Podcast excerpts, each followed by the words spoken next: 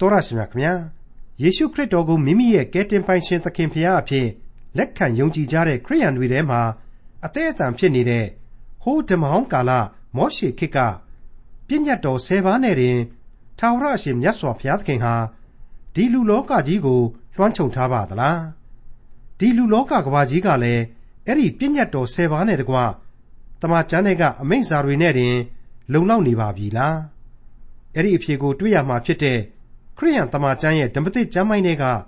တိမောသေဩဝါဒစာပထမဆုံးအခန်းကြီး1အခန်းငယ်1ကနေအခန်းငယ်9အထိကိုဒီကနေ့သင်သိရသောတမန်ကျမ်းအစီအစဉ်မှာလေ့လာမှာဖြစ်ပါတယ်ခရိယန်အသင်းတော်ဖွဲ့စည်းတွေထဲမှာဆရာအတုအယောင်တွေကိုလည်းသတိနဲ့ရှောင်ကြဖို့ဖော်ပြထားတဲ့တိမောသေဩဝါဒစာပထမဆုံးအခန်းကြီး1အခန်းငယ်1ကနေအခန်းငယ်9အထိကိုဒေါက်တာထွန်းမြတ်အေးက အခုလိုလေ့လာရှင်းလင်းတင်ပြထားပါတယ်။သောတရှင်မိတ်ဆွေအပေါင်းတို့ခမညာဒီကနေ့ဒီအချိန်မှာတော့ကျွန်တော်တို့သင်သိရသောတမန်ကျန်သင်ခန်းစာတွေဟာတိမောသေဩဝါဒစာပထမစာဆောင်အခန်းကြီး1ကိုစတင်ပါပြီ။ဆရာအတုအယောင်တွေရဲ့သွန်သင်မှုတွေကိုရှောင်ကျေးဇူးနဲ့ဂရုနာတော်ပေါ်မှာသာအခြေခံတဲ့အသင်းတော်ကိုမြဲမြံစွာတည်ဆောက်ဝမ်းမြောက်ဖွယ်ကေတင်ချင်းတရားသည်သာလျှင်အဓိကတည်မိရာစသည်စသည်ဖြင့်အနှစ်သာရများကိုဖော်ပြသွားမယ့်သင်ခန်းစာများဖြစ်ပါလိမ့်မယ် ဒီတိမောသေဩဝါဒစာပထမစာဆောင်ရဲ့ဏိဒုံဏိဒံပြိုးပုံကလေးကအစ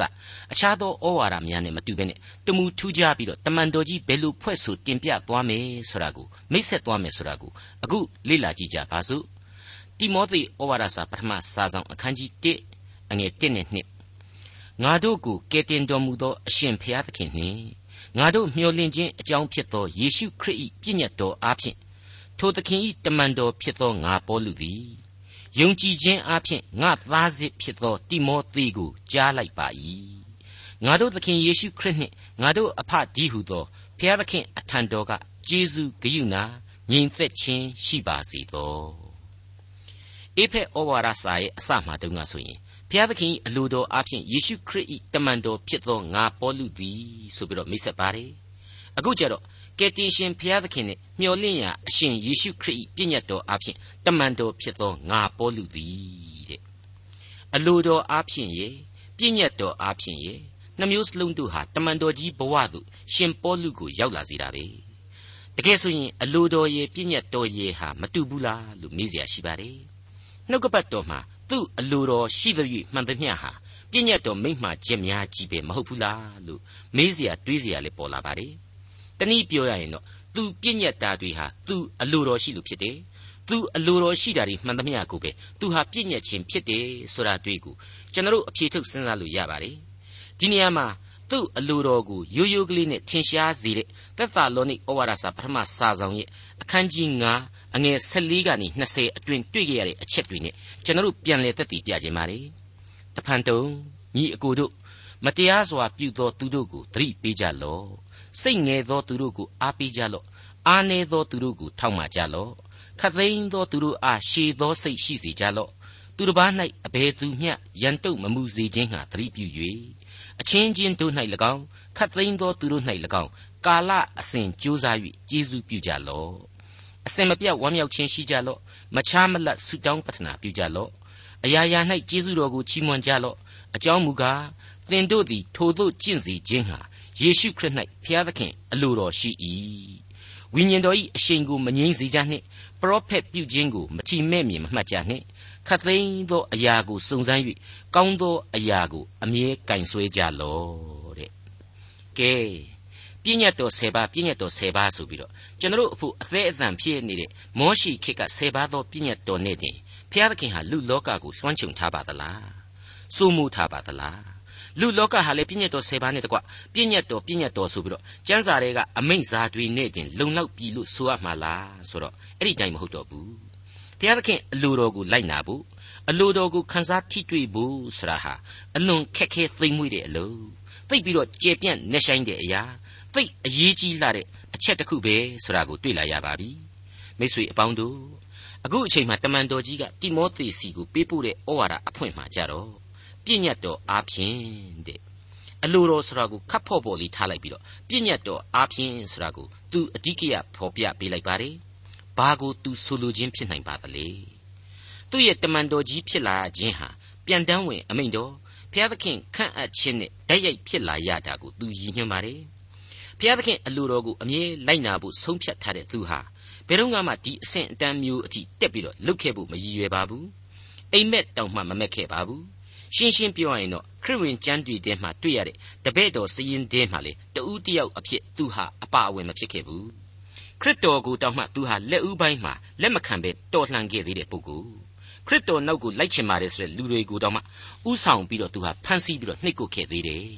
အဲ့ဒီလောက်ထိပြည်ပြင်းတဲ့ခရစ်တော်ဆန့်ကျင်ရေးသမားကြီးရဲ့အတိတ်ဘဝကနေပြီးတော့မှ ဘုရားသခင်ကိုယ်တိုင်ကမင်းတမန်တော်အဖြစ်အမှုတော်ဆောင်စေဆိုတဲ့တစ်ချက်လွတ်အမိန့်နဲ့သူဟာပြောင်းပြန်လှန်ပြီးပြစ်လိုက်သလားအောင်မရလောက်အောင်အင်မတန်ပြည်ပြင်းတဲ့တမန်တော်ကြီးဖြစ်လာခဲ့ရတယ်ဆိုတာကိုပြတ်သားစွာဖော်ပြပေးလိုက်ခြင်းပဲဖြစ်ပါတယ်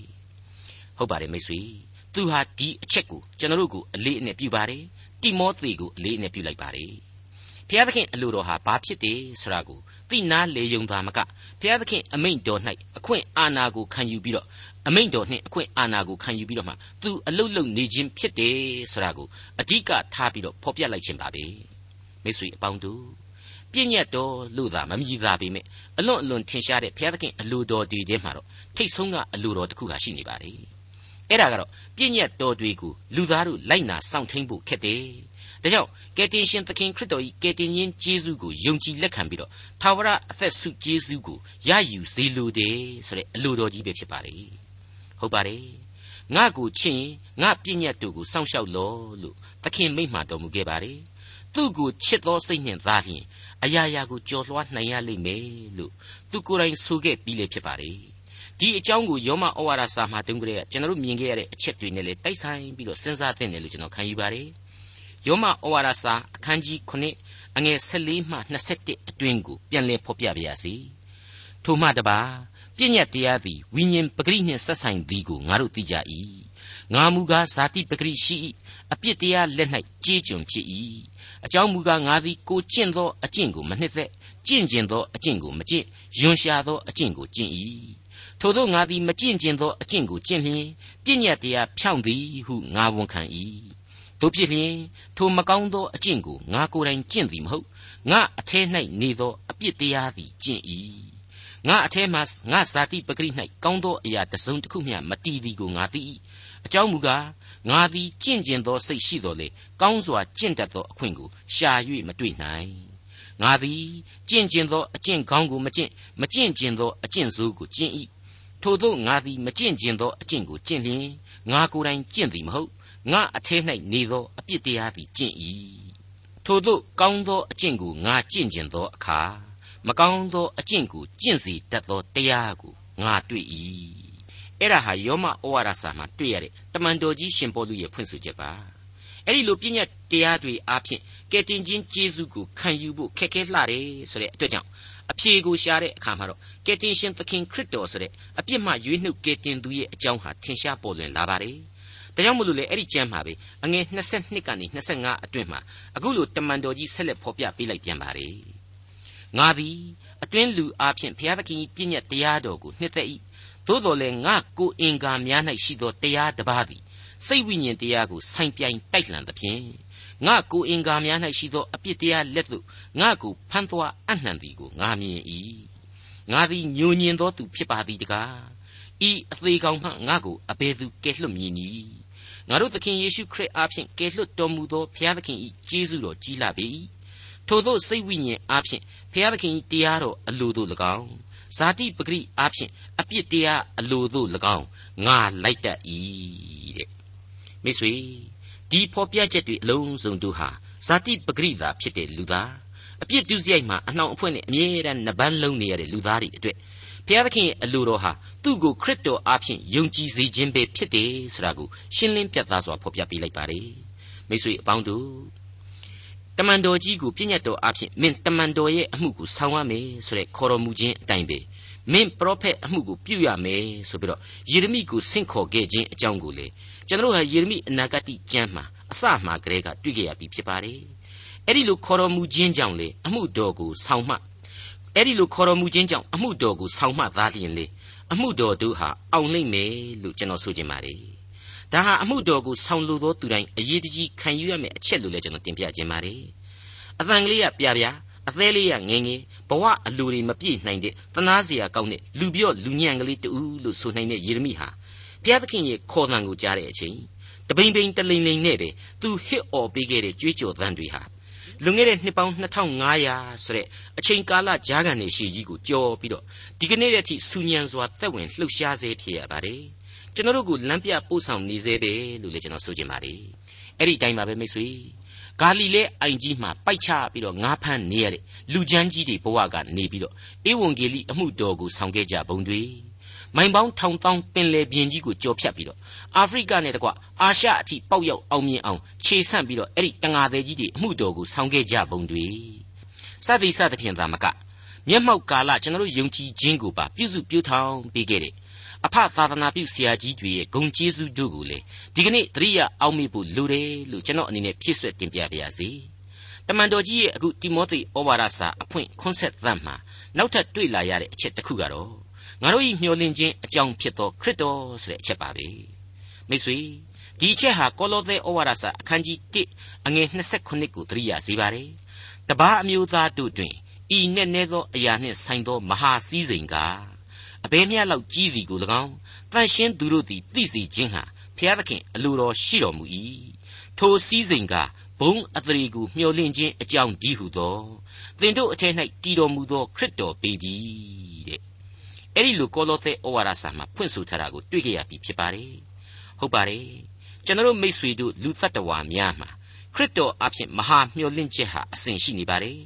ကောင်းကင်ဘုံအသရေသို့မဟုတ်သာဝရအသက်အမွေပဲဖြစ်ပါတယ် ဒီအချက်ဟာအရေးကြီးလွန်းလို့လေစောစောတုန်းကကျွန်တော်ဖော်ပြခဲ့တဲ့အတိုင်းဘုရားသခင်ရဲ့တမန်တော်ကြီးတွေဟာတက်ဆွန့်ဆံပြာအမှုတော်ကိုထမ်းခဲ့ကြခြင်းပဲကိုကြိုးစွန့်ပြီးဝန်ထမ်းခဲ့ကြခြင်းပဲဒီအချက်တွေကိုကျွန်တော်တို့ဘယ်နည်းနဲ့မှမေ့ထားလို့မရပါဘူးယုံကြည်ခြင်းအဖြစ်ငါသားစစ်ဖြစ်တော်တိမောသေတဲ့မိတ်ဆွေအပေါင်းတို့ယုံကြည်ခြင်းတရားကနေပြီးတော့ချစ်ချင်းမေတ္တာစိတ်တို့ထွန်းကားလာရစေတယ်ဆိုတာကိုဒီအချက်ဟာမိမောင်းထိုးဖော်ပြပေးနေပါတယ်ယဉ်နှင်းစရာကောင်းလောက်အောင်ပါပဲ ဒါကြောင့်မို့လို့ပဲကျွန်တော်တို့တွေဟာအသင်းတော်အသီးသီးကိုခေါင်းဆောင်နေတဲ့သင်းအုပ်ဆရာတွေကိုအဖဆရာဆိုပြီးတော့ဂုံယူစွာခေါ်ဖို့လေးရှိတာကိုတွေ့ရပါတယ်ဒီချစ်ချင်းမေတ္တာတော်ရဲ့သဘောဟာဝိညာဉ်အရာကျွန်တော်တို့ရဲ့တဆူတည်းသောဖခင်ကြီးဖြစ်သူကောင်းကင်ဘုံရှင်အဖဖရာသခင်ရဲ့မေတ္တာတော်ကိုလေအစဉ်တစိုက်အောက်မေ့တရိယာစေတယ်လို့ကျွန်တော်ဆိုချင်ပါတယ်တနည်းအားဖြင့်သူ့ရဲ့မေတ္တာတော်ပေါ်မှာအခြေခံပြီးမှလူသားတို့ဟာဒီမေတ္တာသဘောကိုခံစားထိတွေ့ရခြင်းပဲ သူဟာလူအဖွဲ့အစည်းအပေါ်မှာဘလောက်ထိချစ်တော်မူတယ်ဆိုတာကိုရှင်ယောဟန်ခရစ်ဝင်ခရစ်ဝင်ကျမ်းရဲ့အစမှာအခုလိုကျွန်တော်တို့ကိုသင်ခန်းစာပေးခဲ့ပြီးဖြစ်ပါတယ်ရှင်ယောဟန်ခရစ်ဝင်ကျမ်းအခန်းကြီး1အငယ်30မှ73ကိုကြည်ပါထိုသူသည်ဤလောက၌ရှိတော်မူပြီးဤလောကကိုလည်းဖန်ဆင်းတော်မူပြီးသို့တော်လည်းဤလောကသည်ထိုသူကိုမသိသူသည်မိမိဒေသအရတ်သို့ကြွလာတော်လေမိမိလူမျိုးတို့သည်သူ့ကိုလက်မခံဘဲနေကြ၏ ထိုသူကိုလက်ခံသမျှသောသူတည်းဟုသောကိုတော်ကိုယုံကြည်သောသူတို့အားဘုရားသခင်၏သားဖြစ်ရသောအခွင့်ကိုပေးတော်မူ၏ထိုသားတို့မူကားလူမျိုးနှင့်ဆက်ဆံ၍ဖွာသောသားမဟုတ်မေထုံတန်ဝါသားအဖြစ်ဖွာသောသားမဟုတ်လူအလိုအလျောက်ဖွာသောသားမဟုတ်ဘုရားသခင်ဖွာတော်မူသောသားဖြစ်သည်တဲ့အဲ့ဒီတိုင်းပါပဲမိတ်ဆွေ82ခုမြောက်သောဆာလံအပိုက်ငယ်6မှာအပိုက်ငယ်6နဲ့9မှာကြတော့ဆာလံဆရာအခုလိုဖော်ပြခဲ့ပါတယ် သင်တို့သည်ဖျားဖြစ်ကြ၏ရှိသမျှတို့သည်အမြင့်ဆုံးသောဖျား၏သားဖြစ်ကြ၏ဟုငါဆိုသည်သို့တော်လေသင်တို့သည်လူကဲ့သို့သေ၍အခြားသောမင်းကဲ့သို့ဆုံးရှုံးခြင်းသို့ရောက်ကြလိမ့်မည်အဲ့ဒီလိုရှင်းရှင်းကလေးဖော်ပြထားတာကိုတွေ့ရပါတယ်မိတ်ဆွေအပေါင်းတို့ယုံကြည်ခြင်းအဖြစ်ငါသားစစ်ဖြစ်သောတိမောသေဆိုတဲ့အသံမှာတမန်တော်ကြီးရဲ့နူးညံ့သိမ်မွေ့သောသဘောကိုလည်းတွေ့ရစေပါတယ်အလွန်ချိုသာလှပါတယ်ဆိုတာကိုအကဲဖြတ်နိုင်ပါလိမ့်မယ် မှန်ပါတယ်တိမောသေဆိုတဲ့နာမည်ကိုယ်တိုင်ဟာလေအလွန်အလွန်သိမ်မွေ့ခြင်းရှိတဲ့နာမည်ဖြစ်နေတော့တမန်တော်ကြီးရဲ့အခုဆိုဖွဲ့သောအသံနဲ့တစ်ဆက်တစ်ဆက်တည်းအလွန်လှပထဲဝါသွားစေတယ်လို့ကျွန်တော်ဆိုချင်ပါတယ်တင်မသီသို့မဟုတ်တင်မောသီယစ်လို့ဆိုတာကိုတိမောသေဆိုပြီးတော့ဆရာကြီးယူရသန်ကဘာသာပြန်ဆိုထားခြင်းဖြစ်ပါတယ်မူရင်း Greek ဝေါ်ဟာရဖြစ်ခဲ့ပါတယ်သခင်ကိုချစ်တော်သူဆိုတဲ့အဓိပ္ပာယ်ကိုဒီ Greek ဝေါ်ဟာရဟာဖော်ပြနေပါတယ် တိမောသေရဲ့အသက်တာဟာလေအမှန်ပဲဘုရားသခင်ကိုချစ်တယ်။တမန်တော်ကြီးရှင်ပေါလုကိုလည်းချစ်တယ်။မိษွေသင်္ကဟအပေါင်းတို့ကိုလည်းချစ်တတ်တယ်။အသင်းတော်တွေကိုလည်းချစ်ခဲ့တယ်လို့ပဲကျွန်တော်ဆိုချင်ပါတယ်။တိမောသေရဲ့ပုဂ္ဂိုလ်ရေးဘဝနဲ့ပတ်သက်ပြီးတော့တမန်တော်ဝတ္ထုအခန်းကြီး16အငယ်1ကနေ9အတွင်းမှာအခုလိုကပီးတင်ခဲ့တာကိုကျွန်တော်တို့မြင်နိုင်ပါတယ်ထို့နောက်မှာပေါလုသည်ဒေရဘေမြို့နှင့်လုတ္တရမြို့သို့ရောက်လေ၏ လုတ္တရမြို့၌တိမောသေအမည်ရှိသောတပည့်တော်တစ်ယောက်ရှိ၏သူ၏အမိကယုံကြည်သောယူဒမိန်းမဖြစ်၏အဖကဟေလသလူဖြစ်၏ထိုသူသည်လုတ္တရမြို့ဤကောနီမြို့၌ရှိသောညီအကိုတို့တွင်အသရေရှိသောသူဖြစ်၏ပေါလုသည်ထိုသူကိုခေါ်ခြင်းငှာအလိုရှိ၍သူ၏အဖသည်ဟေလသလူဖြစ်သည်ကိုထိုအရက်တို့၌ရှိသောယူဒလူအပေါင်းတို့သည်သိသောကြောင့်အယေပြားလှီးခြင်းကိုသူအားပေးလေ၏သူတို့သည်မြို့များကိုရှောက်သွားစဉ်တွင် ယေရုရှလင်မြို့၌နေသောတမန်တော်တို့နှင့်သင်းအုပ်တို့သည်စီရင်သောပြည့်ညတ်တို့ကိုအသင်းများကျင့်ဆောင်ဖို့ရာအပ်ပေးကြ၏ထို့သောအသင်းတော်တို့သည်ယုံကြည်ခြင်း၌တည်ကြည်မြဲမြံသည်ဖြစ်၍အရေးအတွက်အားဖြင့်တနေ့တည်းတနေ့တိုးပွားများပြားကြ၏အဲ့ဒီလိုတွေ့ရခြင်းဖြစ်ပါလေတမန်တော်တိမောသေဟာတမန်တော်ကြီးရှင်ပေါလုရဲ့အထူးအထောက်အကူပြုခဲ့သောတမန်တော်တစ်ပါးပါပဲဒါရင်မကသေးပါဘူး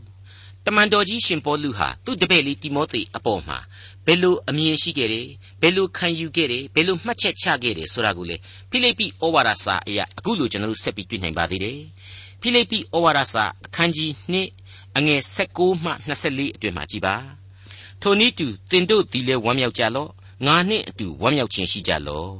သင်တို့အကြောင်းအရာများကိုငါသိ၍စိတ်သက်သာခြင်းဟာတိမောသေကိုသင်တို့ရှိရာသို့များမကြာမီဆေလွတ်မည်အကြောင်း သခင်ယေရှုခရစ်၌ငါမှီဝဲခြင်းရှိ၏အကြောင်းမူကားထိုသူသည်သင်တို့အကျိုးကိုကြည့်ရှုခြင်းသောစေတနာစိတ်ရှိသကဲ့သို့စိတ်သဘောတူသောသူတယောက်မျှငါတို့၌မရှိလူခတ်သိန်းတို့သည်ယေရှုခရစ်အကျိုးကိုမရှာကိုအကျိုးကိုသာရှာကြ၏သို့တော်လည်းသားသည်အဖနှင့်အတူဆောင်ရွက်တကယ်သို့သူသည်ငါနှင့်အတူဧဝံဂေလိတရားအမှုကိုအမှန်ဆောင်ရွက်သည်ဟုသူပြသောတက်သည်ကိုသင်တို့သိကြ၏ ထိုကြောင့်ငါ၌အဘယ်သို့ဖြစ်မည်ဟုငါသိသောအခါသူ့ကိုသင်တို့ရှိရာသို့ချက်ချင်းဆေလွတ်မည်ဟုကြံစီမျှော်လင့်လျက်ငါနေ၏ထိုမြတ်မကငါကိုယ်တိုင်သင်တို့ရှိရာသို့များမကြလာမည်ဟုသခင်ဖျားအားဖြင့်ယုံမှတ်ဆွဲလန်းသောစိတ်ရှိ၏မိတ်ဆွေအပေါင်းတို့ခမညာအခုကြားနာခဲ့ရတဲ့အချက်ကလေးတွေအကုန်လုံးတို့ဟာတိမောသေဆိုတာဘယ်လိုလူလဲဆိုတာကိုအဖြေပေးလို့နေပါပြီတွေ့ရစေပါပြီ အဲ့ဒီလိုချစ်စရာကောင်းတဲ့ယုံကြည်သူလေးစားစရာကောင်းတဲ့သူ့ရဲ့လက်ထောက်တမန်တော်ငယ်တိမောသေအတွက်တမန်တော်ကြီးရဲ့ဆုတောင်းသံကတော့ငါတို့သခင်ယေရှုခရစ်နှင့်ငါတို့အဖကြီးဟုသောဖျားသခင်အထံတော်ကကျေးဇူးဂရုဏာငြိမ်သက်ခြင်းရှိပါစေသောဆိုတဲ့ဆုတောင်းချက်ပါပဲအခြားသောဩဝါဒစာများရဲ့အစနိဒန်းတွေမှာကျေးဇူးတော်နဲ့ညီသက်ချင်းရှိပါစေသောဆိုတာအမြဲပါဝင်ပါတယ်အခုတိမောသေအတွက်ကတော့ဂယုဏ သို့မဟုတ် mercy ဆိုတာကိုပါဖော်ပြပေးလိုက်ပါတယ်အင်္ဂလိပ်ကတော့ grace and mercy တဲ့အလွန်တရာအ내ဖွင့်ဖို့ခက်တဲ့ကျေးဇူးတော်ဟာအပြစ်လူသားကျွန်တော်များကိုဘာဖြစ်လို့လွှမ်းခြုံပေးထားသလဲအဲ့ဒီဂယုဏသဘောကြောင့်လွှမ်းခြုံပေးထားတာပါပဲကျွန်တော်အပြစ်သားတွေဟာဘုရားသခင်စီကိုကိုယ့်ဘဝပဂရိအခြေအနေမှာပဲနောင်တနဲ့ကျိုးပဲ့ကြေမွသောစိတ်အစဉ်နဲ့တိုးဝင်ချင်းကပ်တဲ့အချိန်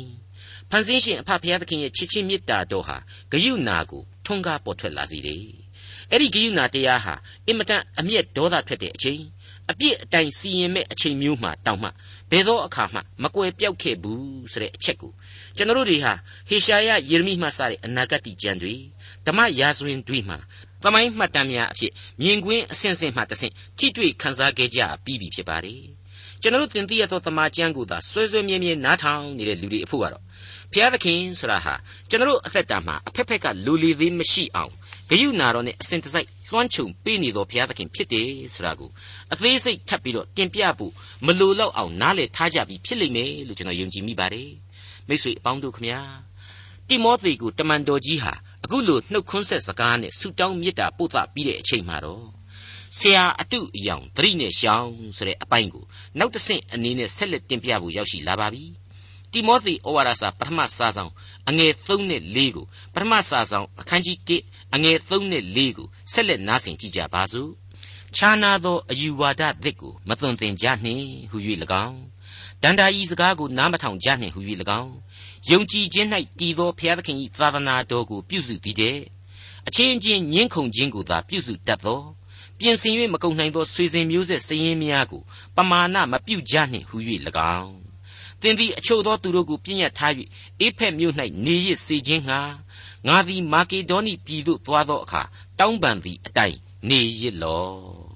ခြားနာသောအယူဝါဒသည်တနည်းအားဖြင့်ဝမ်းမြောက်ဖွယ်ဧဝံဂေလိသတင်းစကားအလင်းတရားကိုဖယ်ပစ်ဖို့အစားထိုးဖို့လုပ်ကြံကြတာတည်းဖြက်လို့ဖြက်စီးလုပ်ကြတာတွေကိုအရှင်းလက်မခံကြဘူးတိမောသေဥဆောင်ပြီးတော့အသင်းတော်တွေကိုပြညတ်ထားပါတဲ့ နောက်ထပ်တင်းကျပ်စွာပြညတ်ရအောင်မှာကတော့ဒန္တာကြီးတွေကိုလည်းနားမထောင်ဖို့ပါပဲတဲ့မိတ်ဆွေအပေါင်းတို့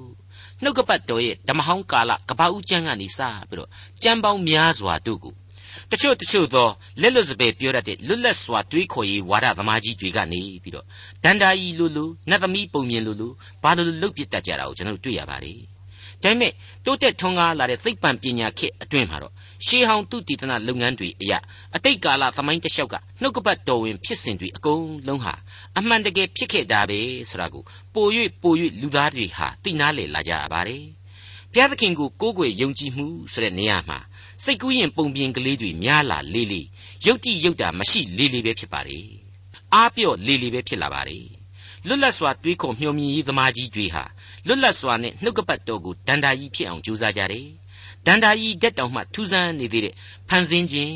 ကယ်တင်ရှင်လူစားတိခံယူခြင်းတွေကိုကြတော့သိပ္ပံဤမကြကြအောင်လုပ်တတ်ကြပြန်တယ်။အကုန်လုံးပြောင်းပြန်ကြီးပဲဖြစ်ကုန်ကြတယ်။သူတို့အဲ့ဒီလိုဝင်ပြီးနှောက်တဲ့ကြားတွေကပဲကပ္ပအရှိနဲ့အနောက်မှာနှုတ်ကပတ်တော်ကိုယုံကြည်သူတွေဟာပောက်ကွဲတယ်လို့ပြောယူရလောက်အောင်ပွားများလာကြတယ်။ပွားများလာကြတယ်။တခုပဲဝန်းနေစရာကောင်းတာကတော့အဲ့ဒီလိုလူအင်အားများလာပြီမဲ့ယုံကြည်သာယုံကြည်ပြီးတော့လက်တွေ့လိုက်နာခြင်း အလိုတော်အတိုင်းရှင်သန်ခြင်းမရှိကြတာပဲလို့ကျွန်တော်ဆိုချင်ပါတယ်အခုအပိုင်းမှာထူးထူးဆန်းတွေ့ရတဲ့အချက်ကတော့ပြင်ဆင်၍မကုန်နိုင်သောဆွေစဉ်မျိုးဆက်စည်ရင်များကိုပမာဏမပြုတ်ကြနှင်းဆိုတဲ့အချက်တစ်ခုဖြစ်ပါတယ်အဲ့ဒါဟာတခြားမဟုတ်ပါဘူးအဲ့ဒီအချိန်ကာလမှာခရိယန်ဟာဂျူးဘာသာပါပဲကွာဘာဆိုဘာမှမထူးပါဘူးဂျူးနဲ့အတူတူပါပဲဆိုပြီးတော့ပြည့်ညတ်တော်ဒီဘက်ကိုဆွဲတရားဟောမှုတွေ ခရစ်တော်ဆိုတာဟာဂျူးဝါဒကိုပဲပြုစုပေးဖို့ရန်အတွက်ပေါ်ထွက်လာတာပဲဆိုပြီးတော့ဖြက်လို့ဖြက်စီတပုတ်လေလွင့်ပြောဆိုမှုတွေနဲ့ပတ်သက်လို့တမန်တော်ကြီးဟာစိုးရိမ်ပူပန်မိတယ်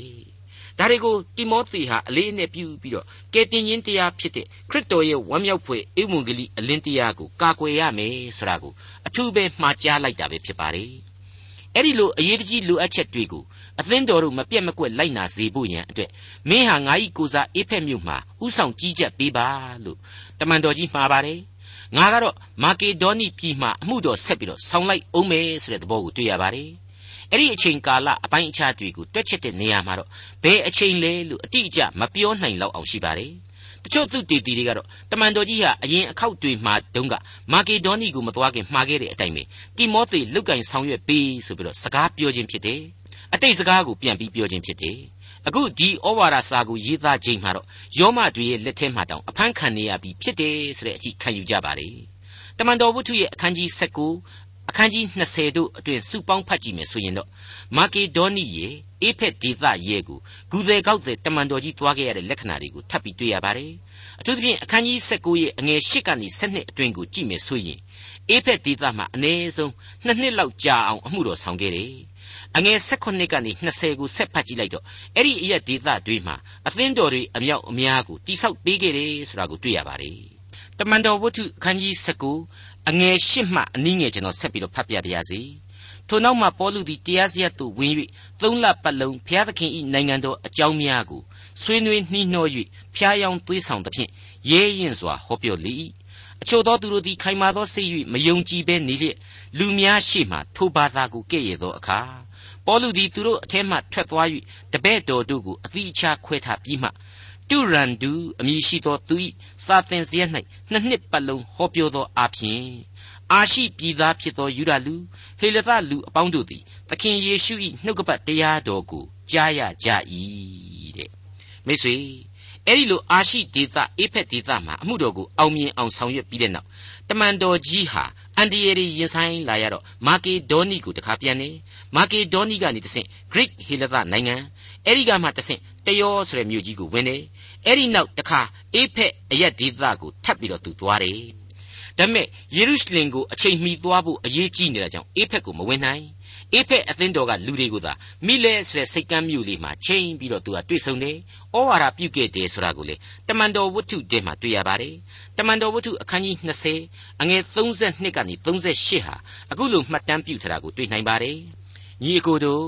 ယခုငါသည်တင်တို့ကိုဖျားသခင်ထံ၌အနှံ့၏သင်တို့ကိုတိဆောက်ခြင်းဟာ၎င်းတန်ရှင်းသောသူအပေါင်းတို့နှင့်အတူသင်တို့အားအမွေပေးခြင်းဟာ၎င်းတတ်နိုင်သောဘုရားသခင်ကျေးဇူးတော်တရား၌လေသင်တို့ကိုငါအနှံ့၏သူရွှေငွေအဝတ်တစားတို့ကိုငါသည်တတ်မဲ့ခြင်းမရှိပြီငါလက်တို့သည်ငါကို၎င်းငါအပေါင်းအဖော်တို့ကို၎င်းလှုပ်ကြွေးပြီးဟုသင်တို့သည်ကိုယ်တိုင်သိကြ၏ထို့သောသင်တို့သည်လည်းအလုတ်လုတ်၍အားနေသောသူတို့ကိုမဆရမည်ကို၎င်း အစွန့်အကျဲခံခြင်းအရာတဲ့စွန့်ကြဲခြင်းအရာသည်သာ၍မင်္ဂလာရှိသည်ဟုသခင်ယေရှုမိန့်တော်မူသောစကားတော်ကိုအောက်မေ့ရမည်ကို၎င်းအရာရာ၌သင်တို့အားငါပြသပြီဟုပေါလုဆိုပြီးလျှင်ဒူးထောက်၍ထိုသူအပေါင်းတို့နှင့်တကွဆုတောင်းလေ၏ထိုသူအပေါင်းတို့သည်အလွန်ငိုကြွေး၍ပေါလု၏လေပင်ကိုဖက်ယမ်းလျက်သူ့ကိုနမ်းကြ၏နောက်တဖန်သူ၏မျက်နှာကိုမမြင်ရဟုသောစကားကြောင့် သာ၍ကြေကွဲသောစိတ်နှင့်ပေါလုကိုသင်္ဘောသို့ပို့လိုက်ကြ၏တဲ့မိတ်ဆွေအပေါင်းတို့သူမေတ္တာကြီးမားစွာနဲ့တိဆောက်ပေးခဲ့တဲ့အသင်းတော်အတွက်အတိတ်တုန်းကသူကိုယ်တိုင်ဖော်ပြဆုံးမခဲ့တဲ့အဲ့ဒီမေတ္တာသဘောတရားအတိုင်းပဲဆက်လက်ပြီးတော့တည်တည်ငြိမ်ငြိမ်ရှိစေခြင်းတဲ့မတိမ်မယိမ်သောယုံကြည်ခြင်းနဲ့အနာဂတ်ကိုချီတက်စေလိုတယ်ဆရာဟာရှင်းနေအောင်ပေါ်လွင်နေပါပြီဒါကြောင့်မလို့တိမောသေဩဝါဒစာပထမစာဆောင်အခန်းကြီး1ရဲ့အငယ်9ဟာ အခုလိုဆက်လက်ဖော်ပြပေးလိုက်ပါတယ်ထို့သောပြည့်ညတ်ထားခြင်းဤအချုပ်အခြာမူကားစင်ကြယ်သောစိတ်နှလုံးနှင့်၎င်းကိုကိုကိုသိသောစိတ်ကြည်လင်ခြင်းနှင့်၎င်းမှန်သောယုံကြည်ခြင်းနှင့်၎င်းဆက်ဆိုင်သောချစ်ချင်းမေတ္တာဖြစ်သည်ဒေါက်တာထွန်းမြတ်၏စီစဉ်တင်ဆက်တဲ့တင်ပြတော်တမချန်းအစီအစဉ်ဖြစ်ပါတယ်နောက်တစ်ချိန်အစီအစဉ်မှာခရိယန်တမချန်းရဲ့ဓမ္မသစ်ကျမ်းပိုင်းတွေကတိမောသေဩဝါဒစာပထမဆုံးအခန်းကြီး1အခန်းငယ်6ကနေ အခန်းငယ်14အထိကို လေ့လာမှာဖြစ်တဲ့အတွက်စောင့်မျှော်နားဆင်နိုင်ပါတယ်။